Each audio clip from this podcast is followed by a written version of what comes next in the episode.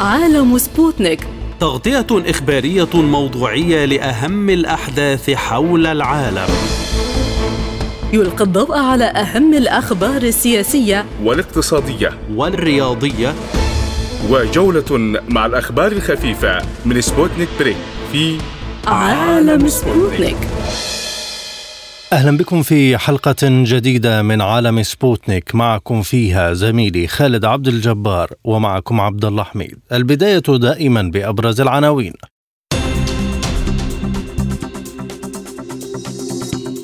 لافروف يقول إن الغرب ينشئ تحالفا نازيا ضد روسيا وبيلاروسيا مستخدما نظام كييف كأداة وزيلينسكي يربط الحل الدبلوماسي بشرط يستحيل تنفيذه.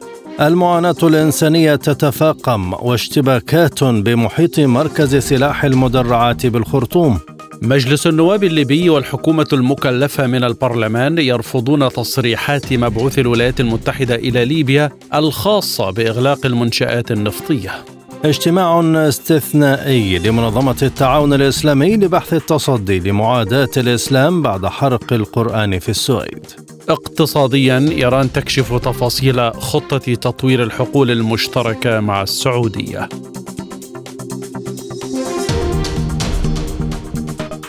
إلى التفاصيل. أكد وزير الخارجية الروسي سيرجي لافروف أن الغرب ينشئ تحالفا نازيا ضد روسيا وبيلاروسيا مستخدما نظام كييف كأداة وقال لافروف إن ما يفعله الغرب مستخدما نظام كييف كأداة لا يمكن اعتباره إلا محاولة أخرى لإنشاء تحالف نازي ضد الشعوب السلافية روسيا والآن ضد بيلاروس. وأضاف الوزير أنه قد تم الإعلان عن هذا التحالف رسميا. لقد تم خلع جميع أقنعة التسامح وحسن الجوار والإنسانية الأوروبية. في الوقت نفسه رفض الرئيس الأوكراني فلاديمير زيلينسكي إمكانية التوصل إلى حل دبلوماسي للصراع في أوكرانيا قبل الوصول إلى حدود عام 1991 أي انسحاب روسيا من دونباس وزاباروجيا وخرسون والقرم. وقال زيلينسكي في مؤتمر صحفي مع رئيس الوزراء الإسباني بيدرو سانشيز هذه ليست حدود أوكرانيا التي كانت في الرابع والعشرين من فبراير شباط. كان هناك خط اتصال بيننا وبين روسيا وبالتالي نؤكد مرة أخرى أوكرانيا ستكون مستعدة لهذا الشكل أو ذاك من الدبلوماسية عندما تكون بالفعل على حدودها الحقيقية وفقا للقانون الدولي. من موسكو حول هذا الموضوع ينضم إلينا المحلل السياسي الدكتور محمود الأفندي أهلا بك دكتور لماذا وصف السيد لافروف التحالف الغربي بالنازي أول شيء يسعد اوقات السيد الكريم والأخوة المستمعين.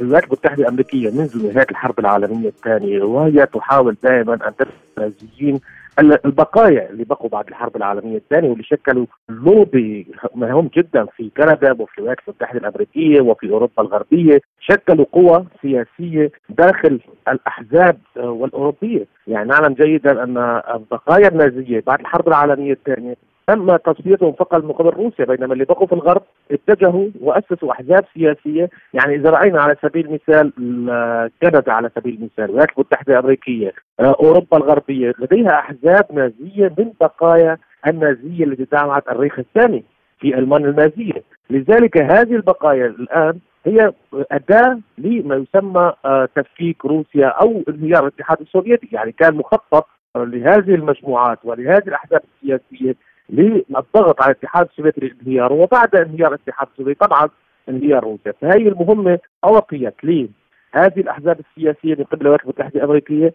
كاداه ونعلم جيدا أن الولايات المتحدة الأمريكية هي دائما تستخدم الأساليب الملتوية في سياستها. يعني نعلم جيدا هي أسست حتى الأرهاب أسست القاعدة في سبيل المثال لمحاربة الاتحاد السوفيتي في أفغانستان وبعدها بدأت مشاكل معها أسست داعش في العراق وبدأت الهجوم على سوريا والعراق بعدها فالولايات المتحدة الأمريكية تستثمر باي مجموعة ملتوية إرهابية نازية لزعزعة الاستقرار في البلاد التي لا تخضع لهيمنة الولايات المتحدة الأمريكية. يعني على سبيل المثال الآن مرشحة لقيادة حلف الناتو هي وزيرة كندية جدها كان من أكبر النازيين ومؤسس صحيفة للنازيه الألمانية في بولندا وهو أوكراني الاصل. يعني هذه المراكز كيف وصل هذه الأشخاص لهذه المراكز؟ بدون نعلم السياسة من دون دعم مادي من دون دعم لوجستي ومعنوي لا يستطيع الإنسان الوصول إلى هذه المراكز وخصوصا بعد آه، خسارة النازيه بالحرب العالمية الثانية. المفروض أن تكون قضي عليها بشكل نهائي. لذلك من الواضح يعني أن النازية حتى في إسرائيل في الكيان الصهيوني موجوده النازية. يعني على سبيل المثال سفير الإسرائيلي في آه في كييف تصريحاته الأخيرة كانت نازية. ماذا قال التصريح؟ قال ما دام آه القتلة ليست آه ليسوا يهود فهي ليست نازية مع هذه الخسائر التي تتكبدها الأدوات الغربية ما هي توجهاتها المقبلة برأيك؟ التوجهات المقبلة بأمر واضح تواجه محاربه وتفكيك روسيا انظر الحرب على روسيا ليست حرب أوكرانية فقط إنما حرب هجينة حرب اقتصادية حرب سياسية حرب إعلامية لشيطنه روسيا بأي شكل من الأشكال يعني إذا رأينا بس على سبيل المثال الحرب الإعلامية موجهة إلى روسيا حتى الآن تصور حتى الآن لم يعطى الأمم المتحدة تعطي ارقام الحقيقيين للضحايا المدنيين الذين قتلوا في أوكرانيا، لماذا؟ لأنه ليس هناك ضحايا مدنيين في الطرف في الطرف اللي تطلع عليه أوكرانيا، دائما يقولون استهدفت روسيا مدنيا، استهدفت بنية تحتية مدنية، استهدفت المدنيين ولكن ليس هناك صور ولا أرقام. من هم القتلة والقتلة. وعلى سبيل المثال مسرحية بوتشا اللي حصلت بعد في العام الماضي لما حتى الآن الامم المتحده ليست هي أسماء الأشخاص الذين قتلوا في بوتشا وعلى اساسها رفضت اوكرانيا المفاوضات السياسة الأمريكية واضحة، السياسة هي الأمريكية. هي استخدام كل الأساليب المتوجهة لفكفكه روسيا آه، لتحويلها إلى دويلات للسيطرة عليه. كما قال الكسندر المقدوني فرق الدول يمكن أن تحكمها، عندما تفرق الشعوب وتفرق الدول يمكن أن تحكم بسهولة وتسيطر عليها بسهولة، فوجود روسيا الاتحادية ووجود الصين ليس من مصلحة الولايات المتحدة الأمريكية. لن تفقد هيمتها عاجلا اجلا في المستقبل القريب، إذا ارتفعت هذه الدول وتقوت وأصبحت قوية يمكن أن تؤثر وتلغي الهيمنة على الولايات المتحدة الأمريكية وتحول عالم متعدد الاقطاب. العالم متعدد الاقطاب ليس بأي ليس مصلحه الولايات المتحدة الأمريكية بأي شكل من الأشكال. دمرت الاتحاد السوفيتي على أساس أن تكون الوحيدة في العالم. فظهور روسيا وظهور الصين الآن هم الأهداف الآن. الأول شيء روسيا الآن بعد تفكيكها بعد لديهم أداة في أوكرانيا ولديهم أداة أيضا في الصين وهي تايوان. فلذلك نتكلم عن الغرب لا نستطيع أن نتكلم عن الغرب نتكلم عن الولايات المتحدة الأمريكية. الغرب من تحت الهيمنة. تحت الهيمنة الأمريكية، يعني النوب السياسي أو النخبة السياسية الموجودة في أوروبا الآن هي تابعه للولايات المتحدة الأمريكية بشكل بشكل 100% يعني الهيمنة الأمريكية هي مسيطرة على كل الحكومات الأوروبية عن طريق دعم السياسة دعم النخب الثاني من السياسة أو الطرف الثاني أو النخب الثاني من السياسة بسهولة القبضه على سبيل المثال. انظر إلى ألمانيا. يعني بعد ميركل من الآن يصدر ألمانيا؟ شولت الضعيف وبالإضافة إلى الحزب الأخضر الألماني المنتج من قبل الولايات المتحده الامريكيه، يعني هو حزب منتج الآن يعني يتكلم عن الخطر وعن وعن محافظة على الطبيعة وهو الآن يعمل كل شيء ضد الطبيعة، انظر ما يحصل الآن. تستخدم آه، اساليب الزيارة الأخيرة للناشطه السويدية نسيت اسمه ذكرني اسمها كان موجودة في كييف. يعني ناشطة ضد ما يسمى مع الأحزاب الخضر ومع محافظة البيئة. تتجه اتجاه سياسي هذا يعني إنه كل هذه الأساليب والألوية للغرب في تهديد روسيا شطنت روسيا تركك روسيا زعزعت الاستقرار في روسيا حتى تتقسم إلى عدة أقسام وتصبح بشكل من الاشكال مسيطرة عليها كما سيطرت عليها في التسعينات. يعني في التسعينات من عام 1991 لحد 2003 كانت روسيا خاضعة بكل شيء يعني المؤسسات الأمريكية كانت تحكم روسيا بشكل غير مباشر. إذا ما هي الخيارات أمام روسيا مع الموجة الغربية والمخططات التي تطبخ وما زالت بدون النظر لما أحدثته من خراب على العالم أجمع؟ خيارات روسيا هي الصمود والتوحد ومن ثم الوقوف لأن روسيا كبلد هي متعددة القوميات فإذا صمدت روسيا أمام الشعب الروسي بالذات وصمد أمام الهجمة الأمريكية يعني أن كل المحاولات الغربيه ستفشل، إذا فشلت المحاولات الغربية هذا يعني هو بداية ما يسمى انتصار روسيا وتحول العالم إلى ذات الأقطاب، يعني روسيا كالعاده تقدم الضحايا لتحويل العالم، يعني لا ننسى إن روسيا قدمت ضحايا بالانتصار على النازية حوالي 27 روسي قتلوا في الحرب مع النازية، الآن روسيا أيضا بحرب اوكرانيا تقدم الضحايا للتحويل وتحويل العالم من الهيمنة الأمريكية بشكل غير مباشر، يعني عندما روسيا تصمت أمام كل هذه الخيارات ولا تستطيع الولايات المتحدة الأمريكية أن منها ولا الدول الغربية هذا الصمود الروسي سيؤدي فعليا إلى انهيار الطرف الآخر، أما أنت بتعمل معركه للقضاء القضاء على دولة معينة ولا تستطيع القضاء عليها. هذا ينتج عملية عكسية على النقاط العملية. سيؤدي إلى خسارات هي سيؤدي إلى زعزعة الثقة في هذه القوة التي قادت هذه الحرب. والدول الاخرى تبدأ آه، آه، تبدأ آه، بشكل تدريجي الخروج عن الهيمنة الأمريكية وبدأ ما يسمى إعلان الاستقلال على سبيل المثال نرى الآن يعني خلي العالم متعدد الاقطاب بدأت يعني صورته تظهر شيئا فشيئا تدريجيا عن طريق رفض حوالي 100 دولة العقوبات الروسية العقوبات الأمريكية على روسيا. هذا الرفض نوع من أنواع التمرد ضد هيمنة الولايات المتحدة الأمريكية وهذا لم تتوقع الولايات المتحدة الأمريكية. يعني لما كان آه، حاكم الإمارات في سان بطرسبورغ ما قال الرئيس بوتين قال لو تعلم ما مدى التهديدات للخروج عن حيادنا نفس الشيء الرئيس الجزائري لما زار موسكو يعني في ضغوطات هائلة من الولايات المتحده الامريكيه لتطبيق العقوبات. هذا الخروج أو عدم تطبيق العقوبات هو بداية ظهور عالم متعدد الاقطاب فصمود روسيا كشعب موحد كما حصل في التمرد العسكري يعني التمرد اللي حصل في عسكري مؤخرا في روسيا لابد أن نذكره بشكل جيد لأنه هو كان فعليا موجه ضد العمق الروسي. على أساس أن يبدأ الشعب الروسي بالانتفاضة نوعا ما أو رفض السياسة الروسية اللي حصل لم يحصل أي أي نوع من أنواع الانتفاضة الشعبية أو التحويل إلى حرب أهلية. هذا أدى فعليا إلى تقوية الوحدة الروسية. فتقوية الشعب الروسي هي السلاح الوحيد ضد الولايات المتحدة الأمريكية. تبدأ روسيا صحيح. خلال تاريخها الكامل من ظهورها لم تخسر أي حرب خارجية وأن الحروب التي كانت تخسرها دائما هي حروب حروب داخلية. دائما الثورات الحروب الداخلية الحروب الأهلية هي التي كانت والولايات المتحدة الأمريكية تعلم ذلك.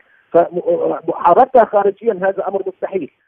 هل يقدم زيلينسكي شرط العودة لحدود عام 91 لكي يعلن بشكل غير مباشر أنه مع استمرار النزاع؟ طبعا يعني خلينا نكون واقعيين. زيلينسكي آه، هو أداة بيد الولايات المتحدة الأمريكية. يعني هو القرار ليس عندما تكون دولة آه، معتمدة بشكل كامل على دولة أخرى على دولة أخرى آه، بالسلاح والاقتصاد. هذا يعني أن هذه الدولة ليست هي قرار سياسي.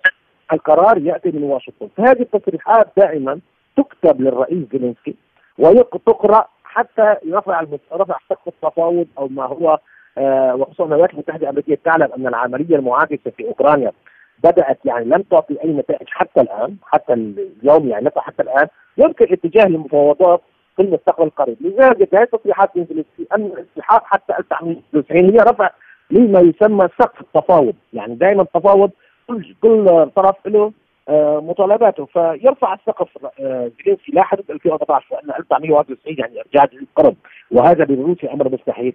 هذا رفع المستوى. هو من قبل قرار يعني هو من قبل آه، املاء من الولايات المتحده الامريكيه للرئيس زيلينسكي لرفع السقف في حال ذات التفاوض يمكن روسيا فقط أن تعود إلى عام 2014 يعني تخرج من الدنباس ولوغانسك وتحافظ على تلك القرن فهو نوع من أنواع التجارة أو نوع من أنواع التجارة بين في التفاوض للرئيس زيلينسكي. ولكن القرار نعود ونقول القرار هو من الولايات المتحده الأمريكية. إذا كما قال الرئيس ترامب أنا أوقف الحرب خلال 24 ساعة سأوقف إذا اوقفت تمديد أوكرانيا. وهذا ما أكده نعم. الطرف الغربي أيضا. يعني جوزيف بريل أكد هذا الكلام أن الحرب الأوكرانية ستنتهي بحال أن الغرب وقف أوقف المساعدات عن أوكرانيا. لأن آه القرار ليس اوكرانيا. عندما الدولة تكون تابعة بكل آه كل شيء إلى طرف آخر لدوله أخرى فليست لديها القرار السياسي فكلها تكون التصريحات الإعلامية أي شيء سياسي يقال من طرف الحكومة الأوكرانية هو املاء من الدولة الداعية؟ تجددت الاشتباكات العنيفة بين الجيش السوداني وقوات الدعم السريع في عدة مناطق بالعاصمة الخرطوم وسمع دوي إطلاق النار شمال غرب ووسط أم درمان. وشهدت مناطق السوق الشعبي وشارع العرضة والمنطقة الصناعية في أم درمان قصفا عنيفا منذ ساعات الفجر الأولى مع سماع أصوات انفجارات عنيفة في المنطقة. كما شهدت عدة مناطق في مدينة الخرطوم بحري المجاورة والمدينة الرياضية وحي الشجرة بالخرطوم اشتباكات وقصفا مدفعيا قويا حيث ارتفعت سحب الدخان قرب مستودعات الشجرة واليرموك ومقر قوات الاحتياطي المركزي جنوبي العاصمة. من جانبها نبهت وزارة الصحة في السودان الجمهور إلى هجوم مروع قامت به قوات الدعم السريع على المستشفيات والمؤسسات الطبية في البلاد موضحة أن أحد الكوادر الطبية قتل في هذا الاعتداء. من القاهرة ينضم إلينا اللواء محمد عبد الواحد المتخصص في الأمن القومي والشؤون الإفريقية سيادة اللواء رغم مرور ثلاثة أشهر تقريبا يبدو أن هذه الحرب مستمرة فهل تحقق أي شيء لأي طرف ليكون مبررا لاستمرار هذه الحرب؟ أه الحقيقة الحرب دي أه يعني استمرارها حتى الآن ده بيؤكد إن عدم وجود إرادة قوية من قبل القوى العظمى لإنهاء هذه الأزمة لا سيما إن الأزمة في السودان هي جزء لا يتجزأ من آه، استراتيجية الصراع الدولي بين الولايات المتحدة الأمريكية وحلفائها من جهة وروسيا والصين من جهة أخرى. فهي جزء من آه، كمان آه، لو حضرتك تلاحظ إن الإعلام الغربي بدأ يتجاهل هذه الأزمة على الرغم من وجود محركات ومحفزات فيها وفيها أحداث كثيرة جدا لكن هناك تجاهل إعلامي الإعلام الغربي يريد أن يسلط الضوء على أوكرانيا مرة أخرى بعد أحداث فاجنر آه ويتجاهل الأزمة السودانية تماما ومش أنا اللي بقول كده ده الإعلام الغربي حتى على صفحاته بيؤكد هذا. نمرة ثلاثة هناك تشابك للمصالح داخل السودان مصالح إقليمية ما بين دول آه، إقليمية قريبة جزء آه، يدعم فريق دون الآخر. آه كمان لو نظرنا إلى منحنى الصراع إذا أردنا أن نتحدث عن أسباب استمرار الصراع إذا نظرنا إلى منحنى الصراع دائما في منحنيات الصراع بتوجد نقطة بنسميها نقطة نضج الصراع نضج الصراع يعني إن الطرفين وصلوا إلى مرحلة أيقنوا تماما أن استمرار الصراع المسلح لن يؤتي بنتائج خلال الفترة القادمة وإنه لا أمل من الاستمرار في الصراع والأمل في عقد تفاوض فدي بنسميها نقطة نضج الصراع. النقطة دي كمان بيوصل فيها الطرفين بيلاقوا ان الخسائر كبيرة جدا سواء الخسائر البشرية أو هناك كوارث حقيقية برضو دي بنسميها نقطة نضج الصراع. في هذه اللحظة بيمكن للمجتمع الدولي إن إحنا نعقد تفاوض ما بين الطرفين بيكونوا جاهزين. حتى علماء النفس بيقولوا إن عقلية طرفي الصراع بتتغير من عقلية بتسعى للفوز فقط والانقضاض على الخصم الطرف الآخر إلى عقلية قابلة للتفاوض جاهزه للتفاوض. طب هل إحنا كمجتمع دولي بنقعد ننتظر إلى أن نصل إلى نقطة نضج الصراع دي كده فتطول أمد الحرب؟ لا إحنا بنعمل محفزات عشان نوصل إلى النقطة دي في أقرب وقت سواء من خلال الهدن الجيدة من خلال آه يعني عايز أقول آه فرض عقوبات شديدة على الطرفين ممارسة ضغوط شديدة على الطرفين تهديدهم بأنهم ممكن إنهم يتقدموا لمحاكمات دولية ومحاكمات جنائية ملفات لحقوق الإنسان. هناك العديد من وسائل الضغط الشديدة. أنا شايف إن وسائل الضغط حتى الآن كلها تلويح وليست حقيقية من قبل الولايات المتحدة الأمريكية خاصة يعني. كل ده بيؤدي إلى إطالة أمد الصراع. لكن لماذا لم يأبه أحد لتفاقم الأزمة الإنسانية الواضحة للعالم كله؟ سيد الفاضل أنا عشت حياة طويلة جدا أكثر من حاجة 20 سنة في دول كلها صراعات. وقت الحروب ما حدش بيبص للأزمات السياسية. البني آدم بيتغير فيها بيرجع تاني إلى إلى إلى بدايته. الصراع بيبقى إنسان آه، باصص لمصالحه لتحقيق مصالح وبالتالي بتنشأ خلاله بتنشأ خلال جنوده آه، مبررات كثيرة جدا لأهمية تحقيق النصر بصرف النظر عن آه، يعني تفاقم الأزمة الإنسانية والكوارث. أنا شفت الكلام ده في الصومال وفي الكونغو وفي انجولا الشخصية العملية بتتغير تماما في فترات الصراع. كل طرف من الطرفين يريد أن يحقق مكاسب سياسية على الأرض. حضرتك بتشوف آه، ضرب بطائرات في العاصمة في قلب العاصمة. بتشوف تفجيرات آه، ضخمة في قلب العاصمة. وفي مدنيين بتشوف قوات الدعم السريع بيطردوا المواطنين من بيوتهم ويسيبوهم يتشردوا في الشارع وارتكبوا جرائم كثيرة جدا علشان يستولوا على بيوتهم ويتحصنوا بيها.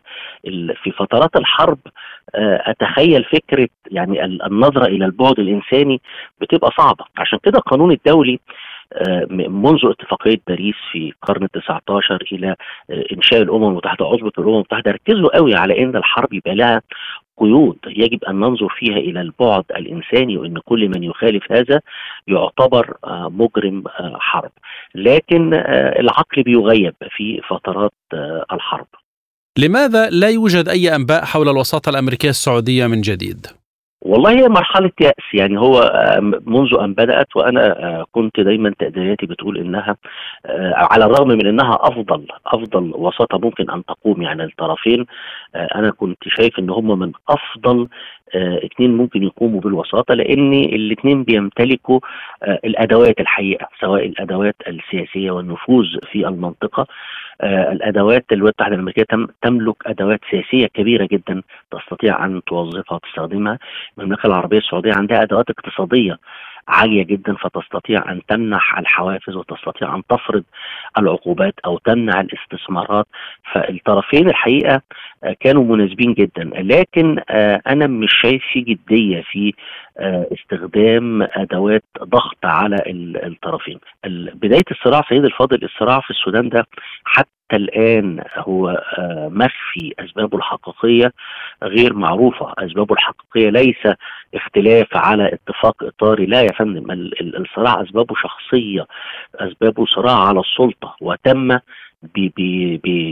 بتحريض من من من الخارج وبضوء أخضر من الخارج لخلق حالة من السيولة وعدم الاستقرار. وزي ما قلت لحضرتك هو جزء لا يتجزأ من استراتيجية الصراع الدولي.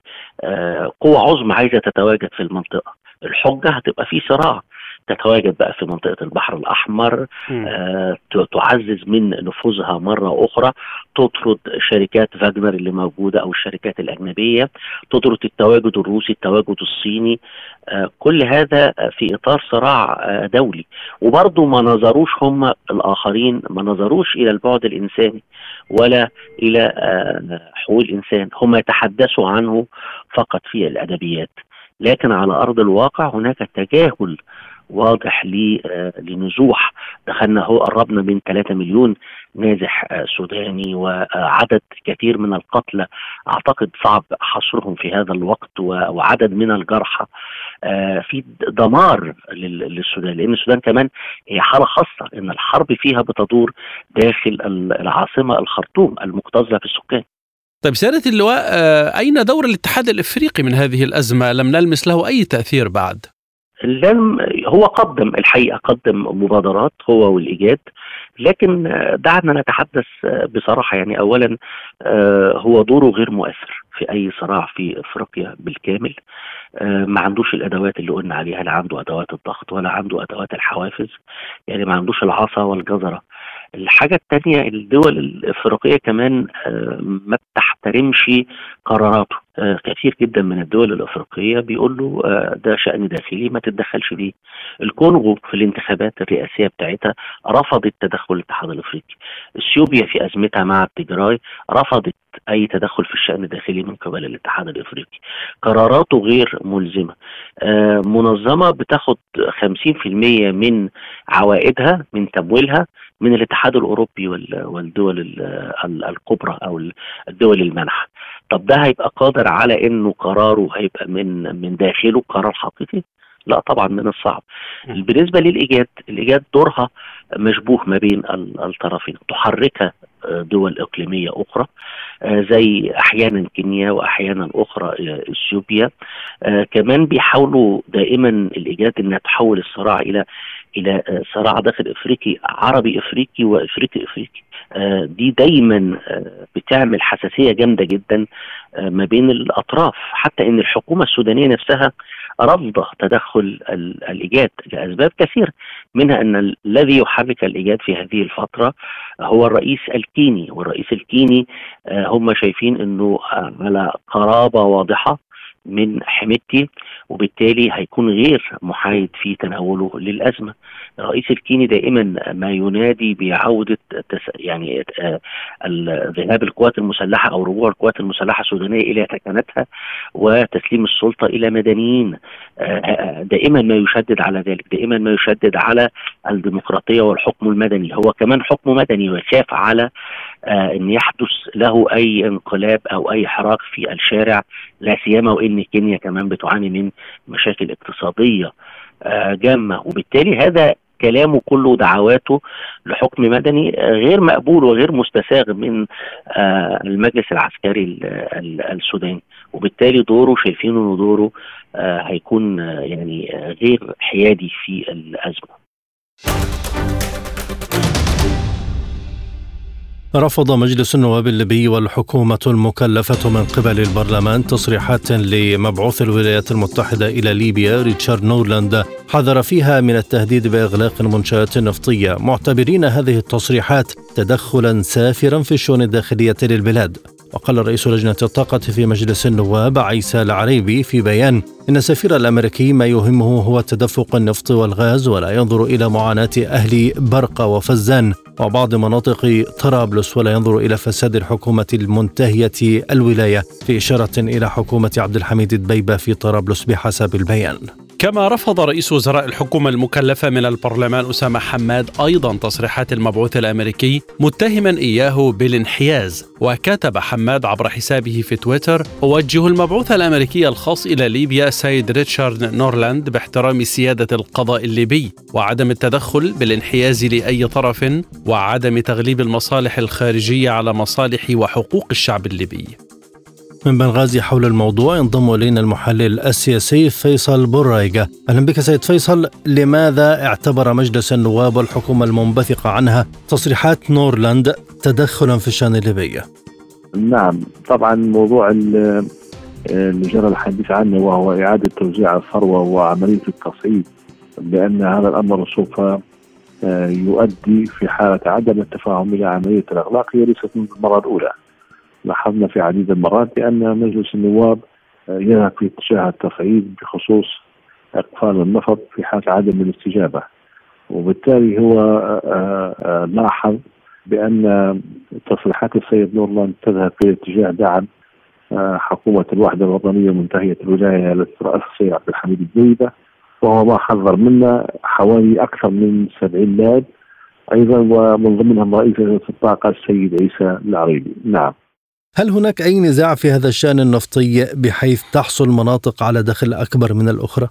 أتصور بأن هذا الأمر يعني أمر ليس بالسهل جرى تشكيل لجنة السابق من قبل مجلس النواب ولم تقوم بإنهاء أعمالها بخصوص عملية إعادة توزيع الثروة أتصور بأن هذا الأمر يحتاج إلى خبراء في إعادة توزيع الثروة وتحويلها إلى رأس مال آه وبالتالي هذا الأمر يحتاج إلى عملية استقرار وعملية قبول بالنتائج لأن هذه الكميات هي ما يحتاجها المواطن في عملية التنمية بدل من عملية آه صرفها أو إهدارها أو ذهابها إلى جيوب المسؤولين المتنفذين من خلال عملية الفساد وإلى ماذا تحتاج هذه المسألة لحلها بشكل جذري؟ آه طبعا بكل تأكيد هي تحتاج إلى عملية دسترة الملف الاقتصادي دسترة القوانين الاقتصادية. هذا مهم وهذا يأتي ضمن حالة استقرار وحالة قبول بالنتائج وإشراف الجميع في عمليات التنمية وتحويلها إلى نتائج في دسترة الحقوق الاقتصادية كما هو حصل سابقا في دستور الاستقلال. الذي كان هو نواة تأسيس ولم شمل الدولة الليبية. سيد فيصل ما هي رؤية نورلاند في مسألة النفط والحديث عنها في هذا التوقيت في ظل انشغال مجلسي النواب والدولة في التحضير لقانون الانتخابات؟ لا ليس هناك رؤية للسيد نورلاند. يعني عديد المرات دائما يتحدث عن توزيع الثروة ويرفق هذه التصريحات بأن الليبيين وحدهم هم أصحاب المصلحة. وهم من يقوموا بعملية توزيع ثروتهم هكذا دائما تصريحات السيد نورمان ليس لديها تصور هو دائما يتحدث عن إعادة توزيع ثروة التي يقوم بها الليبيين انفسهم. الولايات المتحدة دائما ما تتدخل في هذه الشؤون وحتى مع السعودية حدث خلاف شديد بسبب النفط أيضا فلماذا هذه الحساسية؟ الولايات المتحدة عملية يعني عمليات التدخل الحقيقة هي عملية فجة وهي مرفوضة عن شعوب المنطقة طبعا هذا يرجع لعدة أسباب تعرفية لدى المجتمع تدخلها في كثير من القضايا التي مهمة للولايات المتحدة مثل القضية الفلسطينية وعملية الازدواجية المعية. كل هذه القضايا يعني تلقي بظلالها على وجود الولايات المتحدة في المنطقة وتدخلها السافر. حيال القضايا من قضايا حقوق الإنسان. ليست جادة فيها لكن تستخدم كمعونة وتستخدم كأدوات للضغط لتنفيذ سياسة الولايات المتحدة. تعقد الأمانة العامة لمنظمة التعاون الإسلامي في جدة اجتماعا طارئا مفتوح العضوية للجنة التنفيذية لمناقشة الإجراءات عقب حرق نسخة من القرآن أول أيام عيد الأضحى بالسويد. ويعقد الاجتماع الطارئ بدعوة من المملكة العربية السعودية رئيس القمة الإسلامية في دورتها الحالية ورئيس اللجنة التنفيذية لمنظمة التعاون الإسلامي. وأجرى وزير الخارجية التركي هاكان فيدان محادثات هاتفية مع نظيره السعودي فيصل بن فرحان وناقش الوزيران قضايا مكافحة معاداة الإسلام والتعاون في القضايا الإقليمية. يذكر أن السلطات السويدية منحت تصريحا لحرق نسخة من القرآن الكريم أمام مسجد في العاصمة ستوكهولم في أول أيام عيد الأضحى والذي يأتي بعد أسبوعين من رفض محكمة استئناف سويدية حظر الاحتجاجات التي تنظم لإحراق المصاحف. وطلب وزير الخارجية العراقي فؤاد حسين الحكومة السويدية بضرورة تسليم الشخص الذي حرق نسخة من القرآن في ستوكهولم إلى الحكومة العراقية لمثوله أمام المحكمة وذلك بذريعة الشريعة أن هذا الرجل من أصول عراقية. من باريس ينضم إلينا الدكتور زيدان خليف الكاتب والمحلل السياسي. دكتور زيدان لماذا تمنح السويد تصريحا بحرق القرآن؟ سيدي ما هي هذه إلا مناورات تقوم بها السويد وستلتحق بها الدنمارك وستلتحق بها ألمانيا والآن فرنسا في عين الزوبعة أو عين الصاعقة. السويد تريد أن تتخلص من مهاجريها وتريد وخاصة المسلمين منهم وبالتالي تلف لفتين. لفة أن تحرق القرآن أو تعطي أو تعطي تصريحا بمناورات أو بمظاهرات وبحرق القرآن وتدخله في حرية التعبير وحرية الرأي. والشيء الثاني أن السويد تتهجم على المهاجرين من أصول إسلامية بنزع أطفالهم حتى حتى تلزمهم أو تضطرهم إلى مغادرة السويد بطريقة سلسة وتقول أن السويد لم تطردهم ولكن المهاجرين هم الذين خرجوا طواعية.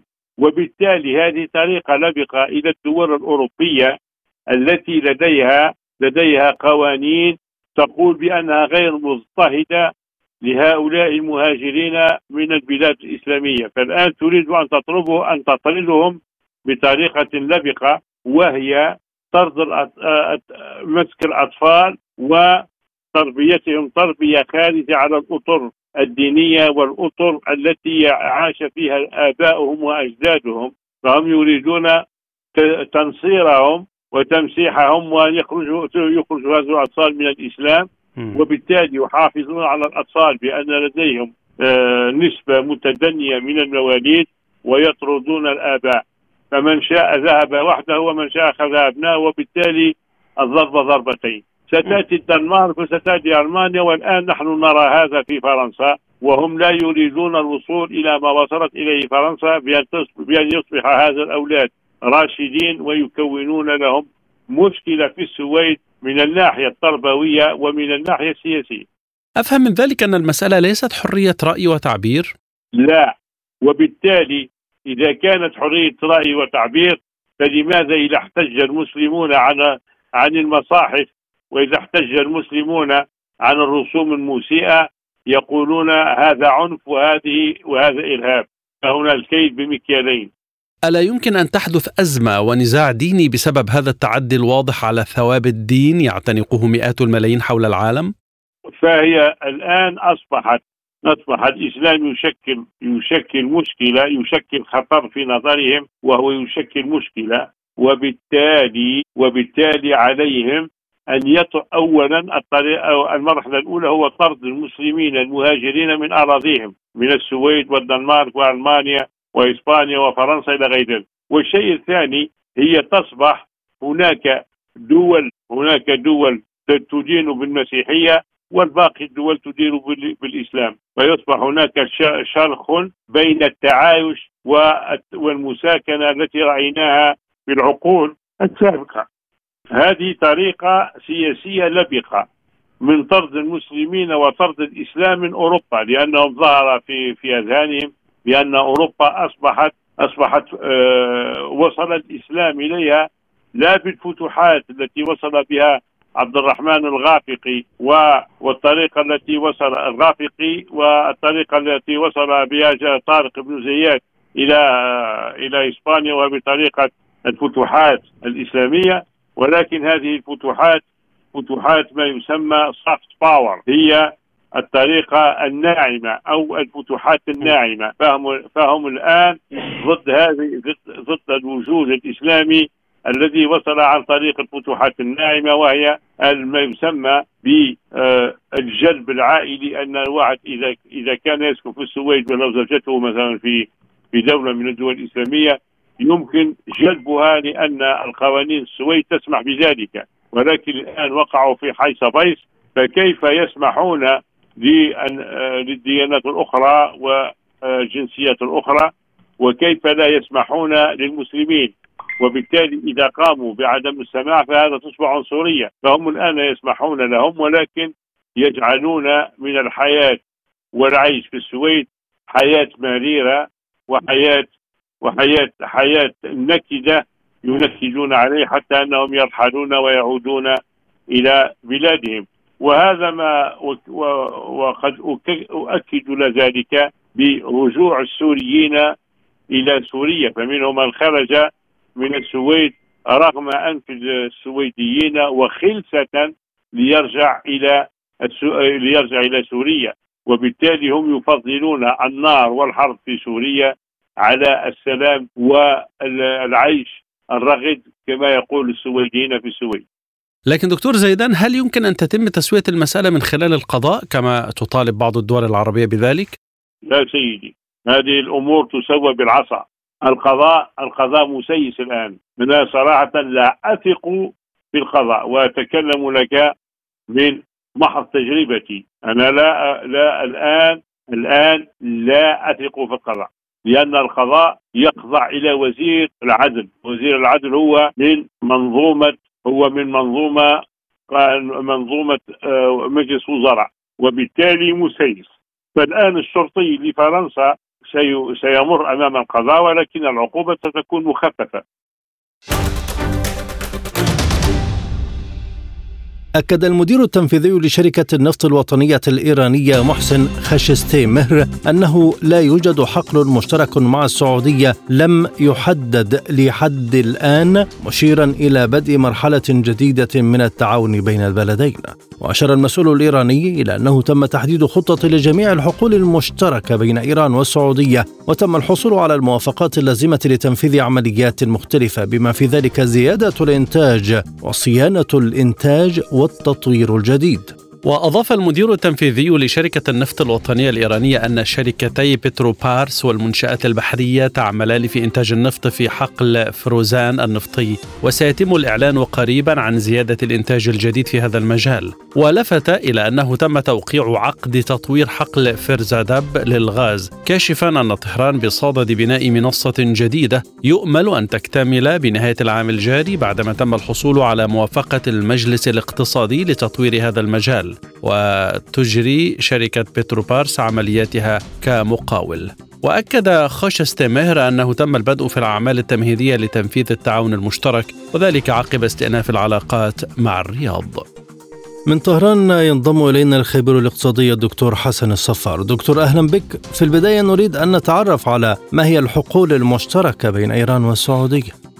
بسم الله الرحمن الرحيم، اولا نبارك للامه الإسلامية الأعياد عيد الأضحى وعيد الغدير المبارك وهذه كانت خطوة مباركة من الجانبين الجانب السعودي الشقيق والإيراني ليتمكنوا أن يدرسوا كيفية تنمية العلاقات بين البلدين الشقيقين، المشتركات المتواجدة بين البلدين إيران والسعودية مشتركات كثيرة واهمها هو التعاون الإسلامي المتواجد بين البلدين.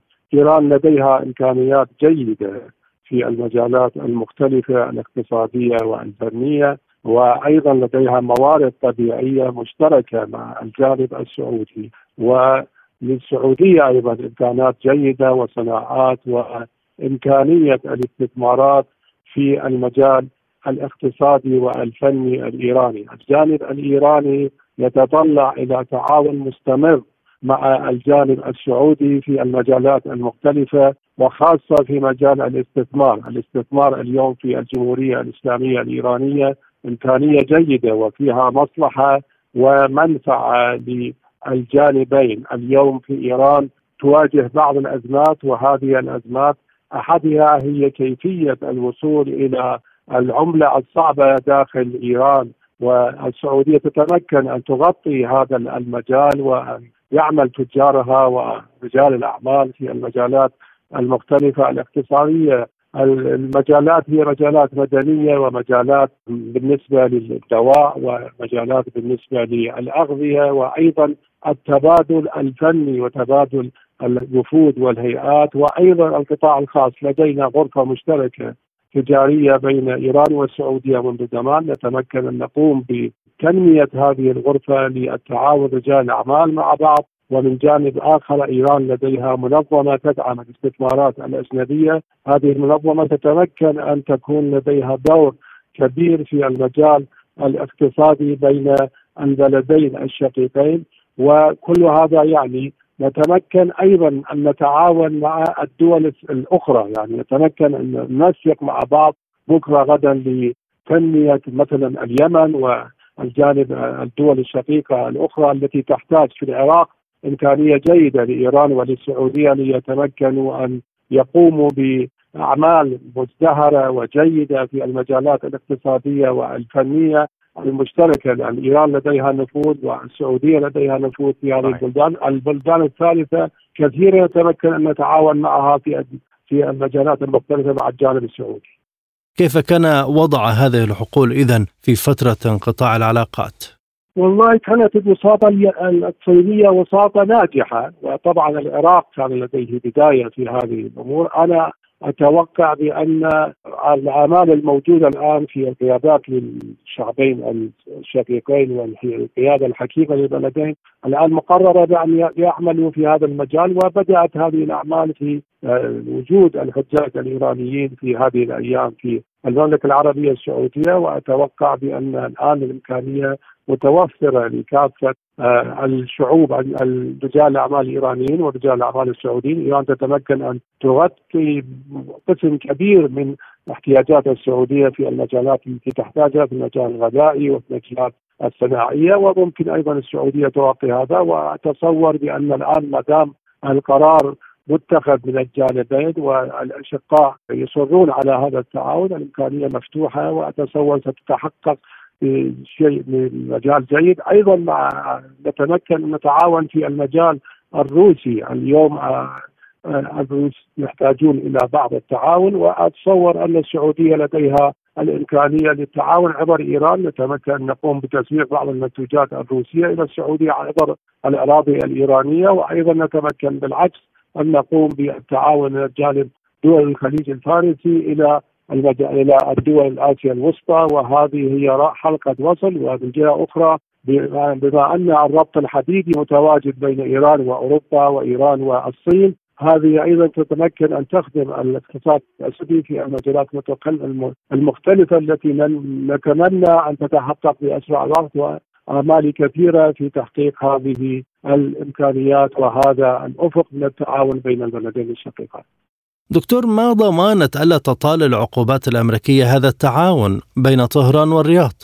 أتصور بأن الجانب السعودي لديه الرغبة في التعاون مع إيران برغم الحصار المفروض اللا إنساني على الجمهورية الإسلامية الإيرانية اليوم إيران تحتاج إلى علاقات جيدة مع مجموعة من الدول وخاصة الدول العربية والإسلامية الشقيقة وإيران والسعودية لا ينظرون إلى ما تأخذه بالاعتبار الجانب الأمريكي الجانب الأمريكي يفكر بمصلحته في المنطقة داخل إيران وأتصور بأن آه، السعودية لا تعتني بهذه الأمور لأن الجانب الصيني الوسيط هو الذي سيمهد هذه الأمور وأن إيران والسعودية لا يعتنون بالمقاطعات والمضايقات التي سوف تقوم بها أمريكا بالنسبة لتطور العلاقات بين البلدين. وأتصور إن الجانب الأمريكي أيضا يعلم بأن التعاون السعودي الإيراني سيكون له مصلحة من جانب آخر إلى الجانب الأمريكي أيضا. لو تعاوننا نحن في بعض المجالات سوف تكون أيضا مصلحة غير مباشرة للجانب الأمريكي. وأتصور لا يقوم الجانب الأمريكي بمضايقات على هذه الأمور في المجالات لتطور العلاقات بين إيران والسعودية في المجالات المختلفة. عالم سبوتنيك مستمر معكم وهذه جولة من الأخبار حول العالم. دمرت القوات الروسية محطة ستارلينك الأوكرانية للاتصالات الفضائية ومركزا للتحكم بالطائرات بدون طيار قرب أرتيوموفسك بخموت حسب ما قال فاديم أستافيف رئيس المركز الصحفي لمجموعة قوات يوغ.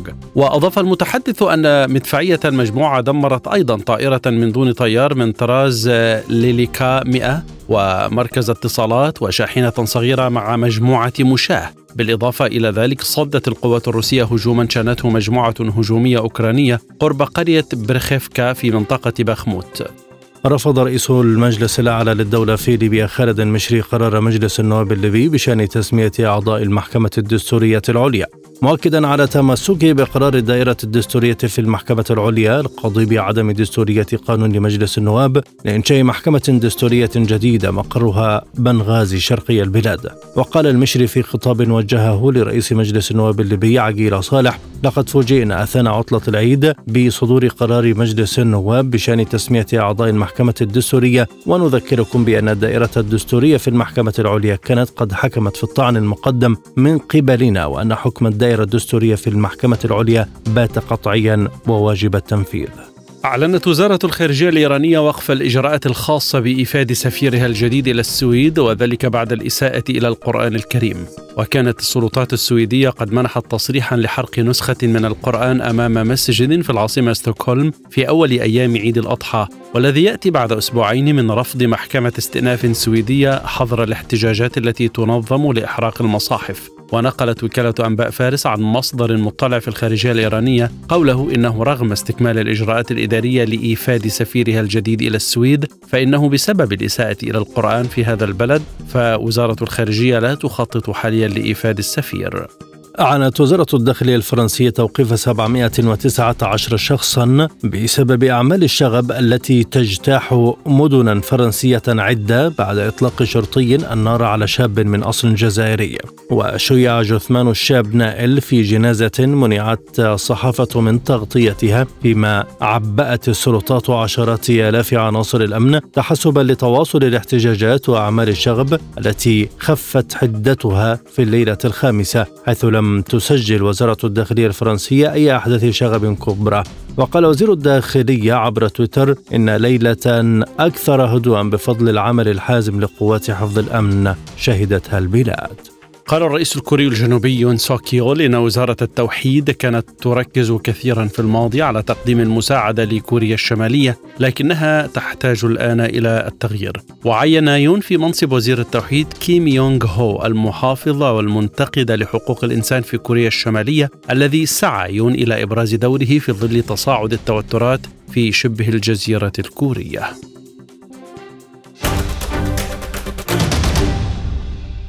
الآن إليكم تذكرة بأهم عناوين عالم سبوتنيك.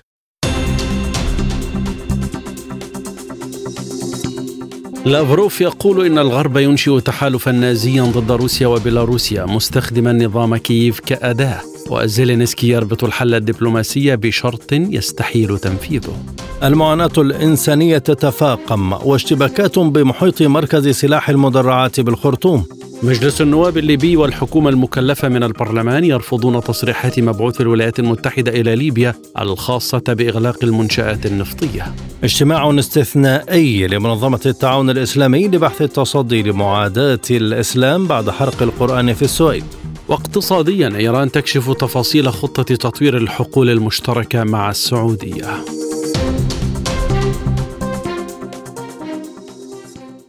هذه وقفة مع الأخبار الاقتصادية.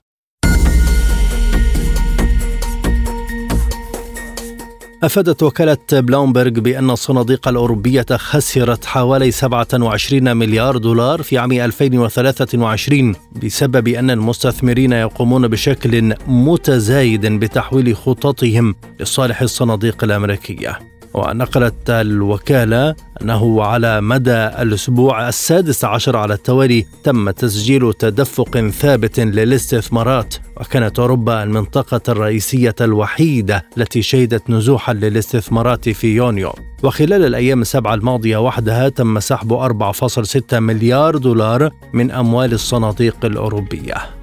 أعلنت قناة السويس المصرية وصول الحوض العائم الجديد فخر القناة لترسانة بورسعيد البحرية قادما من كوريا الجنوبية. وذكرت هيئة قناة السويس في بيان أن الحوض العائم فخر القناة يعد نقلة نوعية تضيف قدرات جديدة في مجال إصلاح وصيانة السفن والوحدات البحرية الكبيرة. وأضافت أن الحوض العائم الجديد يعد الإضافة الأحدث لترسانة بورسعيد البحرية التي تضم ثلاثة أحواض عائمة أخرى تستخدم في صيانة وإصلاح السفن والوحدات البحرية التابعة للهيئة بحمولات تتراوح من خمسة ألاف طن إلى خمسة وعشرين ألف طن.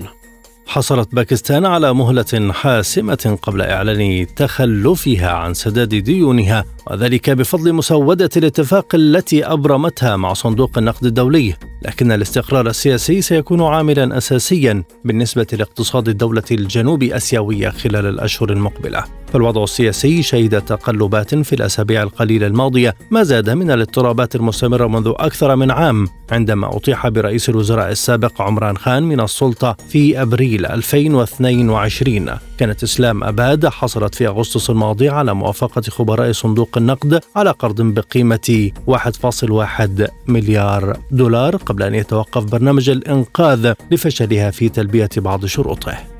يهدد إضراب في مواني كندا على المحيط الهادئ بتعطيل تجارة بملايين الدولارات وزيادة الضغوط التضخمية على اقتصاد الدولة العضو في مجموعة السبعة ودخل الاتحاد الدولي للمخازن والمستودعات الذي يمثل أكثر من سبعة ألاف من عمال الشحن والتفريغ اضرابا صباح السبت بعد فشل مفاوضات بوساطة فيدرالية في الليلة السابقة. ومن المتوقع أن يؤثر الإضراب بالسلب على الأنشطة في, المرك في المراكز البحرية في كولومبيا البريطانية بما في ذلك ميناء فانكوفر أكثر مواني كندا ازدحاما وميناء الأمير روبرت الثالث. وهذه المواني حيوية لتصدير الموارد الطبيعية وواردات المواد الخام والمنتجات الغذائية.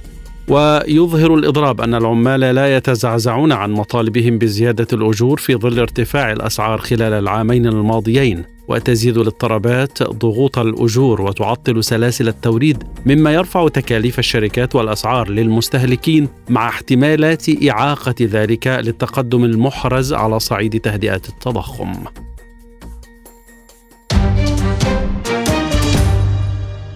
الآن مع أخبار الرياضة. تغلب منتخب مصر على نظيره الجابوني بهدفين دون رد ضمن الجولة الثالثة من دور مجموعات بطولة كأس أمم إفريقيا تحت 23 عاما ليبلغ الدور نصف النهائي لمواجهة غينيا في الرابع من يوليو الجاري. وتصدرت مصر المجموعة الثانية برصيد سبع نقاط من تعادل مع النيجر في الافتتاح وفوزين أمام مالي والجابون ما جنبها مواجهة أصحاب الضيافة منتخب المغرب الذي تصدر المجموعة الأولى بالعلامة الكاملة أمام منتخب غينيا كوناكري وغانا والكونغو برازافيل. وتأخر فوز المنتخب المصري الأولمبي على المنتخب الجابوني حتى الدقائق العشر الأخيرة من اللقاء الذي استضافه ملعب ابن بطوطة في مدينة طنجة حيث جاء الهدف الأول في الدقيقة الثانية والثمانين والثاني في الدقيقة الثانية بعد انتهاء الوقت الأصلي. أعلن نادي الهلال السعودي رسميا تعاقده مع المدرب البرتغالي جورجي جيزوس من دون أن يكشف عن مدة العقد. جاء ذلك في شريط فيديو مصور ظهر فيه المدرب الجديد. وكان جيزوس أعلن عن رحيله عن نادي فانربخشة التركي في الثاني عشر من يونيو الماضي في ظل أنباء حينها عن إمكانية توليه تدريب منتخب السعودية خلفا للفرنسي هيرفي رونار الذي انتقل لتدريب منتخب فرنسا للسيدات. ويملك جيزوس تجربة سابقة مع الهلال عندما قاده في موسم 2019 أصبح الإيطالي المخضرم جيان لويجي بوفون حارس مرمى نادي بارما. أحدث الأسماء المرتبطة بالانتقال إلى دوري روشن السعودي للمحترفين. وفقا للصحفي الإيطالي المطلع جان لوكا دي مارزيو فإن بوفون تلقى عرضا للاحتراف في الدوري السعودي. وأكد الصحفي أن بوفون الذي يبلغ من العمر 45 عاما لا يزال يفكر في مستقبله. وسيتخذ القرار النهائي في الساعات المقبلة سواء بالاستمرار في الملاعب أو الاعتزال. أعلن يوفنتوس الإيطالي رسميا انتقال المهاجم الأمريكي الدولي تيموثي وايا إلى صفوفه مقابل صفقة بلغت 10 ملايين يورو فاصل ثلاثة من عشرة وعقد لمدة خمس سنوات. ودافع ويا نجل نجم ميلان الإيطالي وباريس سان جيرمان الفرنسي السابق رئيس ليبيريا الحالي جورج وايا عن ألوان نادي ليل الفرنسي منذ عام 2019 حيث سيلعب في يوفنتوس في مركز الجناح الأيمن الذي كان يشغله الكولومبي خوان كوادرادو المنتهي عقده مع السيدة العجوز بعد ثمان سنوات في صفوف الأخير.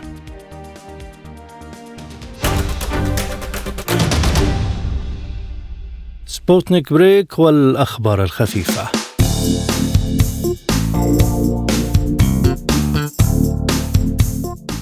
فرض موقع تويتر حدا مؤقتا على عدد التغريدات التي يمكن لأصحاب الحسابات رؤيتها كل يوم وهي خطوة أثارت ردود فعل عنيفة من بعض المستخدمين. وغرد إيلون ماسك مالك شركة تويتر قائلا إن المستخدمين غير الموثقة حساباتهم لن يتسنى لهم إلا مشاهدة ما يصل إلى 600 تغريدة يوميا بينما يمكن لمشتركي خدمة تويتر بلو رؤية 6000 تغريدة وذلك بهدف معالجة المستويات الهائلة من استخلاص البيانات والتلاعب بالنظام.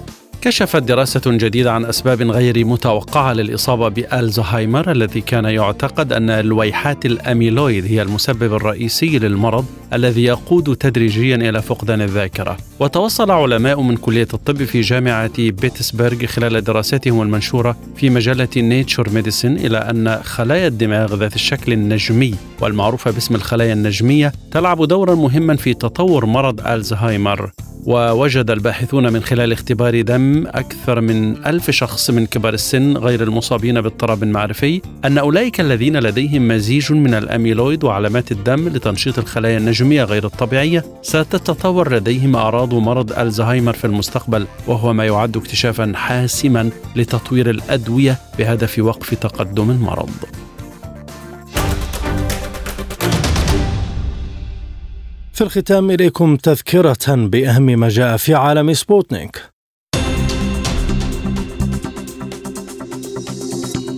لافروف يقول إن الغرب ينشئ تحالفا نازيا ضد روسيا وبيلاروسيا مستخدما نظام كييف كأداة. وزيلينسكي يربط الحل الدبلوماسي بشرط يستحيل تنفيذه. المعاناة الإنسانية تتفاقم واشتباكات بمحيط مركز سلاح المدرعات في الخرطوم. مجلس النواب الليبي والحكومة المكلفة من البرلمان يرفضون تصريحات مبعوث الولايات المتحدة إلى ليبيا الخاصة بإغلاق المنشآت النفطية. اجتماع استثنائي لمنظمة التعاون الإسلامي لبحث التصدي لمعاداة الإسلام بعد حرق القرآن في السويد. واقتصاديا إيران تكشف تفاصيل خطة تطوير الحقول المشتركة مع السعودية. رياضيا منتخب مصر الأولمبي يتأهل للدور قبل النهائي لبطولة إفريقيا المؤهلة للأولمبياد بعد الفوز على الجابون. للمزيد زوروا موقعنا على الإنترنت سبوتنيك dot AE.